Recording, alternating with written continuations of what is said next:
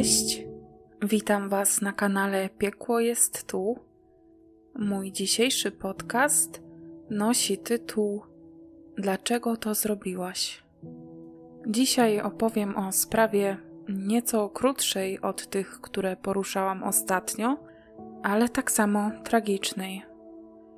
Dotyczy pewnego małżeństwa, które pozornie prowadziło stabilne życie w jednej z wielkopolskich wsi zapraszam Was do wysłuchania odcinka.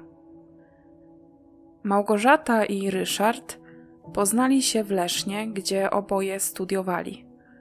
Ryszard przyjechał tam z Głogowa, a Małgorzata pochodziła z niewielkiej wsi Karpicko, położonej około 60 km od Leszna. Para zakochała się w sobie niemal od razu, a tuż po ukończeniu studiów wzięła ślub. Po ślubie zamieszkała we wsi rodzinnej Małgorzaty wraz z jej rodzicami i wiodła spokojne życie. Niedługo po ślubie na świecie pojawił się pierwszy i jedyny syn Małgorzaty i Ryszarda. Jako, że zarówno ona, jak i on byli aktywni zawodowo, co też przekładało się na ich sytuację materialną, która była bardzo dobra, to fakt, że mieszkali z rodzicami kobiety, był dla nich bardzo znaczący, bowiem to właśnie z nimi dzielili opiekę nad synem. Była to taka zwyczajna rodzina, której silnym fundamentem była innymi wiara, i to wiara, którą praktykowali, pojawiając się co niedzielę w kościele. W społeczeństwie i wśród najbliższych sąsiadów uznawani byli za dobre, spokojne małżeństwo, ale jak to bywa w sprawach kryminalnych, nie do końca wszystko układało się między nimi idealnie, o czym wspomnę w dalszej części historii. Małgorzata pracowała w Wielkopolskim Muzeum Pożarnictwa, położonym w miejscowości Rakoniewice, oddalonej od Karpicka o niecałe 12 kilometrów. Ryszard miał nieco więcej zajęć, bo nie dość, że pracował na etacie jako doradca finansowy w banku, to udzielał się też w rodzinnej firmie jako instruktor jazdy. Do tej pracy musiał jednak dojechać do swojego rodzinnego Głogowa, które było oddalone od Karpicka o nieco ponad 60 kilometrów. W związku z tym mężczyzna rzadko bywał w domu i mało udzielał się w życiu rodzinnym. Z tego też powodu w tej pozornie szczęśliwej i ułożonej rodzinie zaczęło dochodzić do konfliktów. Małgorzacie nie odpowiadało to, że jej męża praktycznie nie ma w domu. Czuła się w tej relacji bardzo samotna, co zresztą mówiła między innymi swoim rodzicom, którzy byli zawsze obok, jak i swojej młodszej siostrze, z którą miała bardzo dobre, wręcz przyjacielskie relacje. Małgorzata próbowała negocjować z mężem zmianę jego trybu pracy, ale na nic się te negocjacje nie zdawały. Ryszard nie chciał porzucić swojej roli w prowadzeniu rodzinnej firmy, jaką była szkoła jazdy, a więc był zmuszony krążyć pomiędzy swoim rodzinnym Głogowem a aktualną miejscowością, w której zamieszkiwał.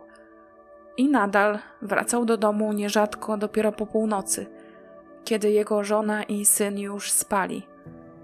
W weekendy też nie miał dla nich zbyt wiele czasu, bo uczestniczył m.in. w wyjazdach służbowych czy jakichś szkoleniach. I to właśnie na jednym z takich wyjazdów mężczyzna zdradził swoją żonę po raz pierwszy z koleżanką z pracy. Początkowo nie przyznał się do tego czynu, ale fakt ten wyszedł wkrótce na jaw i nie umknął uwadze Małgorzaty, która poczuła się zdradą bardzo dotknięta i zraniona i natychmiast poprosiła swojego męża o wyprowadzkę. Zapowiedziała mu też, że planuje się z nim rozwieść. Długo jednak Ryszard nie pomieszkał poza Karpickiem, bo zaledwie po tygodniowej rozłące z żoną i synem postanowił podjąć próbę walki o swoje małżeństwo. Zaangażowani zostali w to rodzice zarówno Małgorzaty, jak i Ryszarda, którzy od początku wtajemniczeni byli w ich małżeńskie problemy. Ostatecznie, po długiej rozmowie, małżonkowie zdecydowali się nie rujnować swojej rodziny przede wszystkim motywując to dobrem syna, który w ich mniemaniu potrzebował obojga rodziców. Dali więc sobie kolejną szansę, ale pod pewnymi warunkami. Między innymi Ryszard do tej pracy, w której poznał swoją kochankę, miał już nie wrócić. Wkrótce mężczyzna, chcąc dotrzymać danego małżonce słowa, złożył wypowiedzenie w banku i zatrudnił się w firmie inwestycyjnej również jako doradca. Chciał w ten sposób udowodnić swojej żonie swoją uczciwość i chęć poprawy ich stosunków małżeńskich. I owszem, przez jakiś czas bardzo się starał i nie umknęło to oczywiście uwadze jego żony. I wydawałoby się, że wszystko od tej pory będzie już szło w jak najlepszym kierunku, ale Małgorzata, pomimo że wybaczyła mężowi zdradę, to nie mogła, nie potrafiła zapomnieć o krzywdzie, jaką wyrządził jej i również jej synowi, bo w końcu jego postępowanie rzutowało na losy całej rodziny. Stała się wobec niego bardzo podejrzliwa, często nawet w najdrobniejszych sprzeczkach wypominała mu relacje z koleżanką z poprzedniej pracy i cały czas bardzo bała się, że sytuacja się powtórzy. I niestety miała powody do takich przypuszczeń. Czujność Małgorzaty tylko potwierdziła jej złe przeczucia. Obserwowała dziwne zachowanie Ryszarda, który często zamykał się w łazience z telefonem, gdzie ewidentnie szeptem z kimś rozmawiał. Z tego szeptu kobieta, podsłuchując pod drzwiami łazienki, potrafiła wyodrębnić pojedyncze słowa, takie jak na przykład kochanie czy kotku, a więc wskazujące jednoznacznie, że rozmowy te Ryszard odbywał z kimś, z kim utrzymywał dość bliskie relacje. Małgorzata jednak nie miała okazji złapać go na gorącym uczynku, czy też skonfrontować swoich podejrzeń, bo nauczony doświadczeniem mężczyzna kasował z telefonu wszelkie treści mogące dać żonie podstawy do podejrzewania go o nieuczciwość wobec niej. Trwała więc w tej niepewnej relacji, licząc na to, że jej mąż wkrótce skupi się na własnej rodzinie. Ale Ryszard nie zmienił swojego trybu życia. Wciąż odbywał liczne spotkania z klientami, a później kontynuował jazdy z kursantami 60 km od domu. Nadal nie było więc go przez większość czasu, przez co małżeństwo widywało się rzadko. Na dodatek Ryszard nie za bardzo przejmował się potrzebami swojej rodziny. Zarobione przez siebie niemałe zresztą pieniądze w większości inwestował raczej w siebie i w swoje dobra materialne, jak na przykład samochody, niż choćby w syna. To Małgorzata ze swojej pensji dbała o to, aby zarówno jej, jak i jej dziecku niczego nie zabrakło. Ryszard wydawał pieniądze na drogie firmowe ciuchy dla siebie, zawsze chciał wyglądać dobrze i elegancko. Ogólnie był zadbanym mężczyzną, co nie znaczy, że Małgorzata o siebie nie dbała. Choć mąż nieraz czynił jej uwagi dotyczące jej wyglądu, krytykował ją i mówił, że powinna lepiej o siebie dbać, co sprawiało, że kobieta borykała się z wieloma kompleksami. Intymne kontakty z innymi kobietami Ryszard rzeczywiście nadal utrzymywał, a co ważne, w tych nawiązanych na boku relacjach nie zawsze ukrywał fakt, że jest żonaty. Kiedy ujawniał swój stan cywilny, często robił to po to, aby móc wybielać się na tle relacji rodzinnych i wzbudzać współczucie u kobiet nim zainteresowanych. Przedstawiał swoje małżeństwo oraz samą Małgorzatę w złym świetle, zarzucając jej to, że niedostatecznie dba o dom i rodzinę, przez co on czuł się nie tylko zaniedbywany, ale też zobowiązany po ciężkiej pracy ogarniać obowiązki domowe. Opowiadał także o tym, że kobieta nie interesuje i nie opiekuje się dzieckiem, za to na niego spadają wszystkie obowiązki z nim związane. Siebie przeważnie opisywał w samych superlatywach jako pokrzywdzonego, pracującego mężczyznę, utrzymującego rodzinę i troszczącego się o jej dobro. Stawiał się w roli ofiary tego związku, o Małgorzacie nie mówił nic dobrego.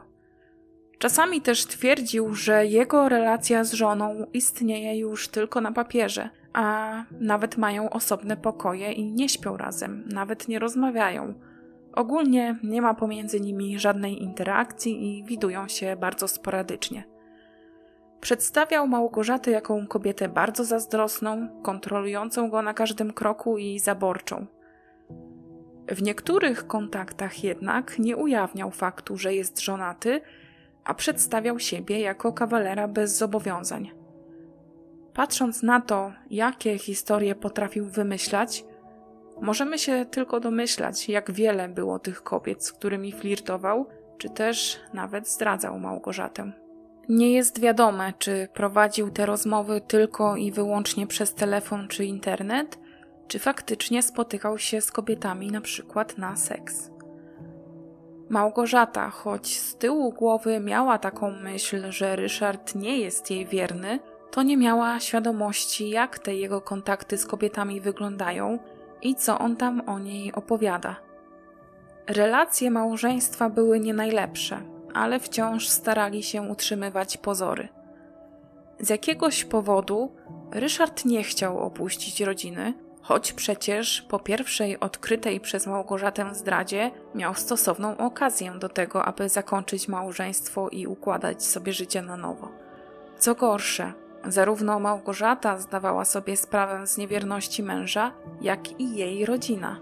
Kobieta zwierzała się bliskim, bo była po prostu bezsilna i szukała jakiegoś pocieszenia. Zazwyczaj jednak te kłótnie, które pomiędzy nimi występowały, dotyczyły ciągłej nieobecności Ryszarda i były inicjowane przez Małgorzatę. Przez prace, które mężczyzna miał, nie poświęcał wystarczająco dużo uwagi synowi i żonie, a tego właśnie jego rodzina potrzebowała, zwłaszcza syn, który rósł i miał już sześć lat. Ryszard, chcąc nieco załagodzić sytuację i być może nieco podreperować relacje małżeńskie, albo też po prostu uśpić czujność swojej żony, bo i tak się przecież zdarza, na początku sierpnia, tuż przed wypadającą 10 sierpnia ósmą rocznicą ślubu małżeństwa, zarezerwował bilety do kina na epokę lodowcową 3. Chciał spędzić z Małgorzatą trochę czasu na osobności. Wieczór miał być romantyczny. Najpierw kolacja, później film na wielkim ekranie. Kobieta nie ukrywała swojej radości z tej okazji. Miał to być pierwszy taki wieczór od bardzo dawna, który mogli spędzić razem, i była zadowolona, że w końcu trafiła się okazja. 9 sierpnia 2009 roku, czyli w przeddzień rocznicy ślubu, w niedzielę, bo w tygodniu nie było nawet cienia szansy na takie przyjemności ze względu na wszystkie obowiązki, jakie miał zarówno Ryszard, jak i Małgorzata, nadszedł w końcu ten upragniony dzień. Para z ośmioletnim stażem małżeńskim udała się do Poznania do Kinepolis, gdzie miała spędzić miło wieczór. Niestety, seans jeszcze się dobrze nie zaczął, a już pojawił się poważny problem – Zanim małżeństwo weszło na salę kinową, kupiło sobie napój, Coca-Colę.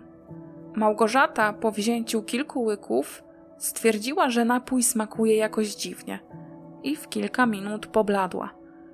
Zaczęła bardzo źle się czuć, przez co para zdecydowała się kino opuścić i wrócić do domu. W drodze, która trwała nieco ponad godzinę, kobieta non-stop źle się czuła i wymiotowała. Ryszard proponował jej, że zawiezie ją do szpitala czy też do lekarza, ale Małgorzata na to rozwiązanie się nie zgodziła. Pomyślała, że samopoczucie zaraz jej się na pewno samo poprawi. I właściwie tak się stało, w czym pomogło przede wszystkim przebywanie na świeżym powietrzu. I kiedy dotarli do domu, Małgorzata czuła się już praktycznie dobrze. Żeby nie tracić tego wieczoru, który mieli zamiar spędzić tylko we dwoje, postanowili romantyczne wyjście kontynuować. Tuż przed wyjściem z domu Małgorzata tylko się nieco ogarnęła i przebrała. Małżeństwo chciało wybrać się nad jezioro wolsztyńskie, aby tam, w świetle gwiazd, pospacerować i porozmawiać. Jezioro to znajdowało się w ich miejscowości, ale i tak pojechali tam samochodem. Zaparkowali na parkingu i ruszyli w drogę, aby pospacerować po miejscowej plaży i znajdującym się niedaleko parku. Co się wydarzyło podczas tego wyjścia, jeszcze wam tego nie zdradzę. Późnym wieczorem, a właściwie to już nocą, bo w okolicach godziny drugiej, zdenerwowany Ryszard dotarł do domu sam. Powiadomił rodzinę swojej żony, że kobieta po sprzeczce, która się między nimi wywiązała, oddaliła się i nie wróciła do miejsca, w którym widzieli się po raz ostatni. Ryszard opowiedział o tym, że zanim wszczął alarm, podjął samodzielne poszukiwania żony. Między innymi szukał jej jeżdżąc samochodem po okolicy, przeszedł też całą plażę, przy której się zatrzymali, ale po Małgorzacie nie było śladu. Miał nadzieję, że może kobieta wróciła po prostu spacerem do domu, ale kiedy jej tam nie zastał, postanowił zawiadomić bliskich. Nie bardzo był czas na jakiekolwiek wyjaśnienia co do okoliczności tego zniknięcia, zresztą sam Ryszard nie potrafił wyjaśnić, jak do niego doszło. Zmartwieni losami Małgorzaty jej bliscy, postanowili nie czekać biernie, w obawie, że kobiecie mogło lub nadal może przytrafić się coś złego. Wszyscy obecni w domu, zarówno mama Małgorzaty, jak i jej wujek i ciocia, wyruszyli na poszukiwania. Nad ranem 10 sierpnia 2009 roku na plaży nad jeziorem wolsztyńskim w Karpicku, gdzie rzekomo Ryszard wcześniej już rozglądał się za swoją żoną, mama i wujek Małgorzaty odnaleźli jej ciało.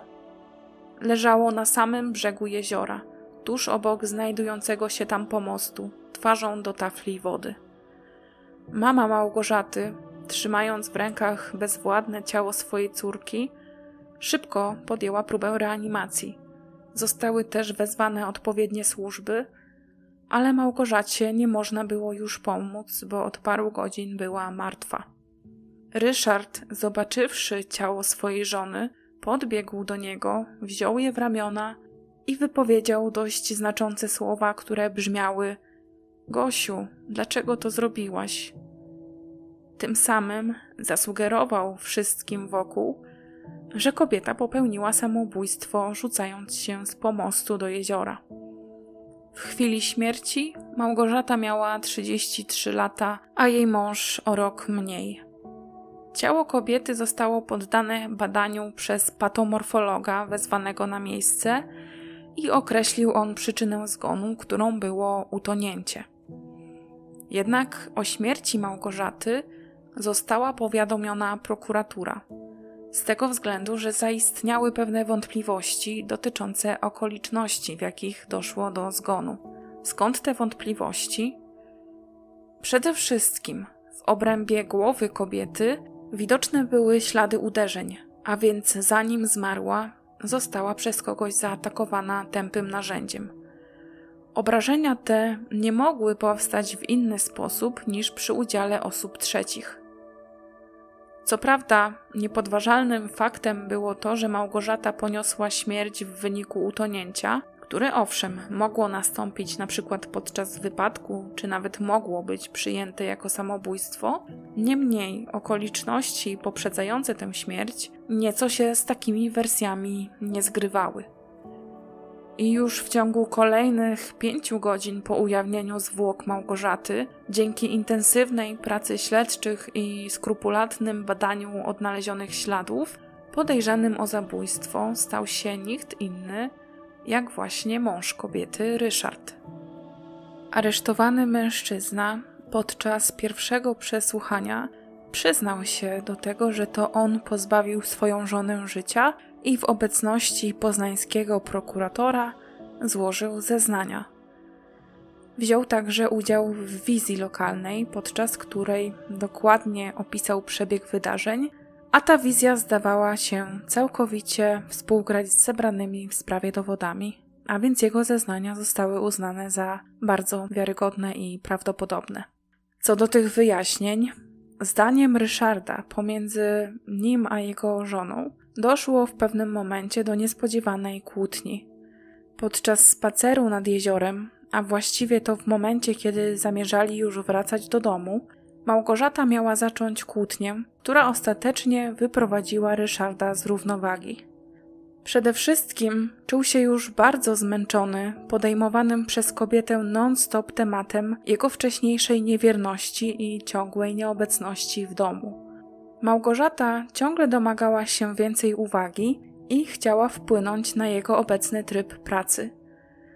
Ryszard nie mógł tego cierpliwie słuchać. Miał spędzić z żoną romantyczny wieczór, a ona swoimi pretensjami przemieniła go w kolejne nieporozumienie. Fakt, że Małgorzata zaczęła Ryszardowi wypominać zdradę, a także sugerować kolejne romanse w związku z tym, że niemal codziennie wracał z pracy bardzo późno, bardzo go rozwścieczył. Pomiędzy nim a kobietą doszło do przepychanki. Oboje w niej uczestniczyli, ale to Małgorzata jako pierwsza miała Ryszarda zaatakować, między innymi odepchnęła go. Potem on odepchnął ją i tak się przez jakiś czas szarpali. Podczas tej dyskusji i wydarzeń byli już bardzo blisko samochodu, a więc Ryszard trzymał w ręku kluczyki do samochodu. Zdenerwowany zachowaniem swojej żony, w pewnym momencie trzymanym w ręku kluczykiem, zaczął w amoku zadawać jej ciosy w głowę jedną ręką, podczas kiedy drugą złapał jej szyję i zaczął ją dusić. W momencie, kiedy Małgorzata straciła przytomność, osunęła się na ziemię i nie dawała oznak życia, pochylił się nad nią i wtedy obie ręce z całej siły zacisnął na jej szyi. Potem, znajdując się około 150 metrów od brzegu jeziora, wziął jej bezwładne ciało na ręce i następnie przeniósł je, aby móc je wrzucić do wody. Wówczas był przekonany, że kobieta już nie żyje. Widział krew, która spływała z jej głowy. Nawet kiedy ochłonął, nie podjął próby pomocy, bo uznał, że kobiecie nie da się już przywrócić życia. Kiedy wrzucił ciało żony do jeziora Wolsztyńskiego, szybko oddalił się z miejsca i postanowił udawać, że Małgorzata po prostu oddaliła się w nieznanym kierunku. W momencie, kiedy Ryszard składał te zeznania, nie miał jeszcze przyznanego adwokata. Składał je w obecności prokuratora. Wówczas jego wyjaśnienia zostały uznane za spójne i spontaniczne, a także wiarygodne, Zatem prokuratura okręgowa w Poznaniu wystosowała wobec niego trzymiesięczny nakaz aresztowania, a wkrótce też, mając wystarczająco dużo dowodów na winę mężczyzny, wniosła do sądu akt oskarżenia przeciwko niemu. Śledztwo zakończyło się po ponad siedmiu miesiącach i 31 marca 2010 roku Ryszard stanął przed sądem okręgowym w Poznaniu w charakterze oskarżonego o zabójstwo z zamiarem bezpośrednim. Prokurator uznał ten czyn za wyjątkowo brutalny i żądał dla sprawcy śmierci Małgorzaty dożywotniego więzienia. Na sali sądowej Ryszard nie przyznał się do winy i przedstawił inną wersję wydarzeń, zaprzeczając, że wrzucił ciało żony do wody. Twierdził, że pozostawił nieprzytomną żonę na parkingu, skąd wyruszył w drogę powrotną do domu i nie wiedział, co wówczas działo się z Małgorzatą i w jaki sposób znalazła się w wodzie. Poprzednie wyjaśnienia składane przez niego po zatrzymaniu zostały zmanipulowane przez śledczych. Ryszard twierdził, że mundurowi narzucili mu odpowiednią wersję wydarzeń, którą on miał konsekwentnie podtrzymywać, zastraszając go i dręcząc, zarówno psychicznie, jak i fizycznie. Nie przyznał się do zabójstwa żony, skoro pozostawił ją na parkingu jedynie nieprzytomną, a nie nieżywą. Obrońca mężczyzny także utrzymywał, że godzina zgonu kobiety nie pokrywa się z czasem, który Ryszard spędził w miejscu ich małżeńskiej kłótni, twierdząc, że w momencie, kiedy doszło do utonięcia, Ryszard był już w domu. Sąd jednak całkowicie odrzucił taką wersję wydarzeń, opierając się na zeznaniach składanych przez oskarżonego w początkowej fazie śledztwa i biorąc za pewnik fakt, że to on wrzucił żonę do jeziora. Przede wszystkim zeznania, które zostały odczytane na sali sądowej, a którym oskarżony zaprzeczał, były przez niego składane przed prokuratorem. Nie było więc możliwości, aby śledczy na te zeznania mieli jakikolwiek wpływ. Ryszard szedł jednak w zaparte, że zanim składał wyjaśnienia przed prokuratorem, policjanci narzucili mu z góry to, co ma powiedzieć, a on to zrobił. Sąd nie patrzył przychylnie na to, co Ryszard z ławy oskarżonych opowiadał. Podejrzane było to, że ze swoich pierwszych zeznań wycofał się właśnie w tym momencie, kiedy skonsultował się ze swoim adwokatem i zapewne wtedy ustalił z nim linię obrony. A w tym, że przyczyną śmierci kobiety nie były obrażenia, jakie poniosła na skutek bicia po głowie i duszenia, a że zmarła poprzez utonięcie, Ryszard upatrywał swojej szansy na uniknięcie odpowiedzialności za zabójstwo, skoro zostawił żonę nieprzytomną, a nie martwą. Próbował też przeforsować wersję o tym, że Małgorzata mogła popełnić samobójstwo. Dlatego w śledztwie przyznał się do licznych zdrad, innymi do spotykania się z jeszcze dwiema kobietami, zaraz po tej, którą odkryła jego żona. Chciał w ten sposób pokazać, że Małgorzata była nieszczęśliwa w tym małżeństwie, była nim rozczarowana i również była zasmucona jego nieuchronnym końcem, i tym samym mogła chcieć targnąć się na własne życie. Tę wersję stanowczo wykluczono. Małgorzata nie popełniła samobójstwa. Nikt inny prócz Ryszarda nie przyczynił się do jej śmierci. To było dla sądu pewne. Największą zagwostkę jednak stanowił motyw czynu. Można go było poznać tylko po ustaleniu, czy mężczyzna od początku planował pozbawić Małgorzatę życia. To znaczy, czy już w momencie, kiedy zabrał żonę na spacer nad jezioro, wiedział, że ona nie wróci z nim do domu, czy raczej zamiar zabójstwa pojawił się dopiero w momencie kłótni. Nie było więc jasne, czy Ryszard planował zabójstwo żony, czy rzeczywiście był to tylko wynik małżeńskiej kłótni. Również to, czy niosąc ciało Małgorzaty do wody, oskarżony zdawał sobie sprawę, że jest ona jedynie nieprzytomna, a nie martwa, sąd próbował wyjaśnić. No i na podstawie pewnych kwestii sąd doszedł do wniosku, że Ryszard nie planował pozbawić żony życia aż do momentu tej fatalnej w skutkach kłótni. Świadczyły o tym m.in. ujawnione dowody, a mianowicie Mężczyzna w czerwcu tego samego roku kupił przez internet bilety do teatru. Chciał tam zabrać ze sobą właśnie Małgorzatę.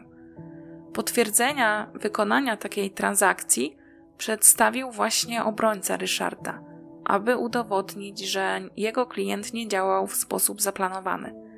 Termin seansu wypadał 1 października. Więc skoro miał on dalej idące plany związane z żoną, no to nie mógł planować pozbawić jej życia. Ostatecznie sąd okręgowy w Poznaniu przyjął, że Ryszard, jako wykształcony człowiek, musiał zdawać sobie sprawę z tego, że Małgorzata żyje, a jedynie straciła przytomność. Fakt, że przeniósł jej bezwładne ciało przez około 150 metrów i nie zawahał się nawet na moment nad tym, aby jednak zmienić swoje postępowanie, co w ostateczności doprowadziło do utonięcia kobiety, przeważył nad tym, aby uznać ten czyn za zamiar bezpośredni. Sąd okręgowy w Poznaniu wymierzył Ryszardowi karę 25 lat pozbawienia wolności. Wyrok ten nie usatysfakcjonował ani Ryszarda, ani jego obrońcy, który odwołał się do sądu apelacyjnego. Sąd apelacyjny w Poznaniu jednak podtrzymał poprzedni wyrok. Ale zarówno Ryszard, jak i jego obrońca nadal nie pogodzili się z tym wyrokiem, zatem został przez nich złożony do Sądu Najwyższego wniosek o kasację tego wyroku. Obrońca Ryszarda zawarł w tym wniosku m.in. taki zarzut, że Ryszard został na początku śledztwa pozbawiony możliwości skorzystania z pomocy adwokata, przez co swoje pierwsze wyjaśnienia składał bez obrońcy, a to na tych właśnie wyjaśnieniach sąd głównie się oparł, wydając wyrok. I to przyniosło efekt, bowiem mimo że Sąd Najwyższy nie zgodził się z większością zarzutów zawartych we wniosku, to uchylił wyrok i przekazał sądowi apelacyjnemu do ponownego rozpatrzenia. Sąd apelacyjny w Poznaniu Ostatecznie, po niemal czterech latach trwania wszystkich procesów, wydał wyrok, nie zmieniając go na korzyść Ryszarda nawet w najmniejszym stopniu. Sąd orzekł, że, cytuję, Zadawane ciosy bezbronnej kobiecie, nawet bez używania jakichkolwiek przedmiotów, ale w sposób gwałtowny, z siłą i godzące między innymi w tak ważną dla organizmu człowieka część ciała jak głowa, stanowią wystarczający dowód, iż oskarżony działał z zamiarem bezpośrednim zabójstwa. Pozostając w zamiarze zabójstwa żony, postanowił przenieść ją nad brzeg jeziora na wysokość pomostu, by wrzucić do wody i w ten sposób upozorować jej samobójstwo. Pozostawanie w takim pozorowaniu śmierci żony oskarżony uzewnętrznił podczas przybycia na plażę po wyjęciu ciała Małgorzaty z wody. Wówczas w obecności innych osób wypowiedział do zmarłej żony: Gosiu, dlaczego to zrobiłaś? Wyrazem realizacji zamiaru pozbawienia życia Małgorzaty był również sposób wrzucenia jej do wody, twarzą do tafli jeziora, co wyłączało jej reakcje obronne, a woda natychmiast dostała się przez otwory nosowe i jamą ustną do płuc, co stwierdza opinia biegłego lekarza sądowego.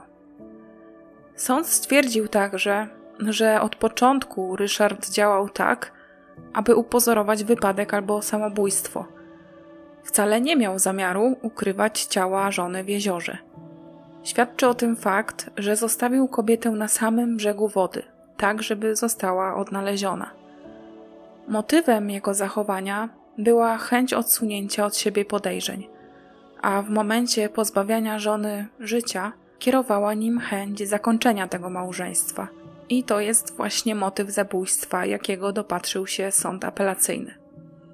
Co ciekawe, faktu o zakupionych przez oskarżonego biletach w czerwcu 2009 roku do teatru na spektakl mający odbyć się w październiku 2009 roku sąd apelacyjny wcale nie potraktował jako czegoś, co miało przeczyć zaplanowaniu przez Ryszarda zabójstwa Małgorzaty. Nie były to bilety imienne, nie wiadomo więc, dla kogo faktycznie Ryszard je kupił. Nie mogło to stanowić żadnego dowodu w sprawie. Ogólnie sąd był bardzo surowy wobec mężczyzny. Orzekł, że czyn, jakiego się dopuścił, był bardzo szkodliwy społecznie i kara, jaka została mu wymierzona przez sąd pierwszej instancji, wcale nie była rażąco niewspółmierna, jak to podnosił obrońca mężczyzny. Pozbawił on życia osobę, z którą wziął ślub, zatem powinno go łączyć z nią szczere i piękne uczucie, a on powinien o swoją żonę dbać, tak samo jak o całą rodzinę. Tymczasem Ryszard swoim postępowaniem doprowadził do nieszczęścia całej rodziny, skrzywdził bliskich Małgorzaty, jak i ich wspólnego dziesięcioletniego w chwili wygłaszania ostatecznego wyroku syna. To już jest wszystko, czego w tej sprawie udało mi się dowiedzieć. Dajcie koniecznie znać w komentarzach, co wy o niej sądzicie. Co myślicie o wyroku, jak i o postawie Ryszarda podczas wszystkich procesów? Czy wierzycie w jego niewinność, którą utrzymywał, co prawda nie od początku, ale do końca? Tymczasem ja się z Wami żegnam, przytulam każdego, kto dzisiaj tego potrzebuje i mam nadzieję, że słyszymy się niebawem.